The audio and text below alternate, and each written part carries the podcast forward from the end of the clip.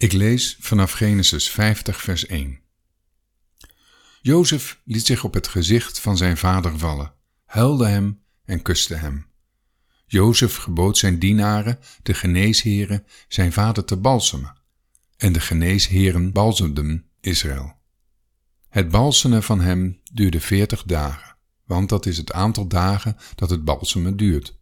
En de Egyptenaren beweenden hem zeventig dagen. Toen de dagen van het bewenen van Jacob voorbij waren, sprak Jozef tot het huis van de farao: Als ik toch genade gevonden heb in uw ogen, spreek dan ten aanhoren van de farao. Mijn vader heeft mij laten zweren: zie, ik ga sterven. In mijn graf, dat ik voor mezelf in het land Canaan uitgehouwen heb, daar moet je mij begraven. Nu dan, laat mij toch gaan om mijn vader te begraven. Daarna zal ik terugkomen. De farao zei: Ga en begraaf uw vader, zoals hij u heeft laten zweren. En Jozef ging op weg om zijn vader te begraven, en alle dienaren van de farao, de oudste van zijn huis, en al de oudsten van het land Egypte gingen met hem mee. En verder heel het huis van Jozef, zijn broers en het huis van zijn vader. Alleen hun kleine kinderen, hun kleinvee en hun runderen lieten zij in de landstreek Gozen achter. Met hem gingen zowel wagens als ruiters mee. Het was een zeer grote menigte. Toen ze bij de doornendorsvloer kwamen, die zich aan de overzijde van de Jordaan bevindt, bedreven ze daar rouw over hem met een grote en zeer zware rouwklacht. En hij hield zeven dagen rouw over zijn vader. Toen de inwoners van dat land, de Kanaanieten, de rouw op de doornendorsvloer zagen, zeiden ze: Dit is een zware rouw van de Egyptenaren. Daarom gaf men die plaats de naam Abel Mizraim. Hij ligt aan de overzijde van de Jordaan.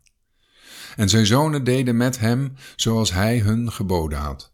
Zijn zonen vervoerden hem naar het land Canaan en begroeven hem in de grot op de akker in Machpela, die Abraham samen met de akker als eigen graf gekocht had van Efron de Hethiet. Deze grot ligt tegenover Mamre. Nadat hij zijn vader begraven had, keerde Jozef terug naar Egypte, hij en zijn broers, en allen die met hem meegetrokken waren om zijn vader te begraven.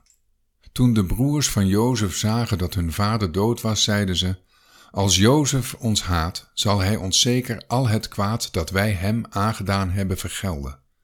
Daarom lieten zij tegen Jozef zeggen: Uw vader heeft voor zijn dood deze opdracht gegeven. Dit moeten jullie tegen Jozef zeggen. Och, vergeef toch de overtreding van uw broers en hun zonde, want zij hebben u kwaad gedaan. Maar nu, vergeef toch de overtreding van de dienaren van de God van uw vader. Jozef huilde toen zij zo tot hem spraken. Daarna gingen ook zijn broers naar hem toe. Ze vielen voor hem neer en zeiden: Zie, wij zullen u tot slaven zijn. Jozef zei daarop tegen hen: Wees niet bevreesd, want sta ik soms op de plaats van God? Jullie weliswaar, jullie hebben kwaad tegen mij bedacht, maar God heeft dat ten goede gedacht. Om te doen zoals het op deze dag is, een groot volk in leven houden. Nu dan, wees niet bevreesd. Ikzelf zal jullie en jullie kleine kinderen onderhouden. Zo troostte hij hen en sprak hij naar hun hart. Jozef bleef in Egypte wonen, hij en het huis van zijn vader. Jozef leefde 110 jaar. Jozef zag van Ephraim de derde generatie. Ook werden de zonen van Magier, de zoon van Manasse, op de knieën van Jozef geboren. En Jozef zei tegen zijn broers: Ik ga sterven, maar God zal zeker naar jullie omzien en jullie uit dit land laten trekken naar het land dat hij gezworen heeft aan Abraham, Isaac en Jacob. En Jozef liet de zonen van Israël zweren: God zal zeker naar jullie omzien, en dan moeten jullie mijn beenderen van hier meenemen. En Jozef stierf toen hij 110 jaar oud was. Ze balsemden hem en men legde hem in een kist in Egypte. Tot zover.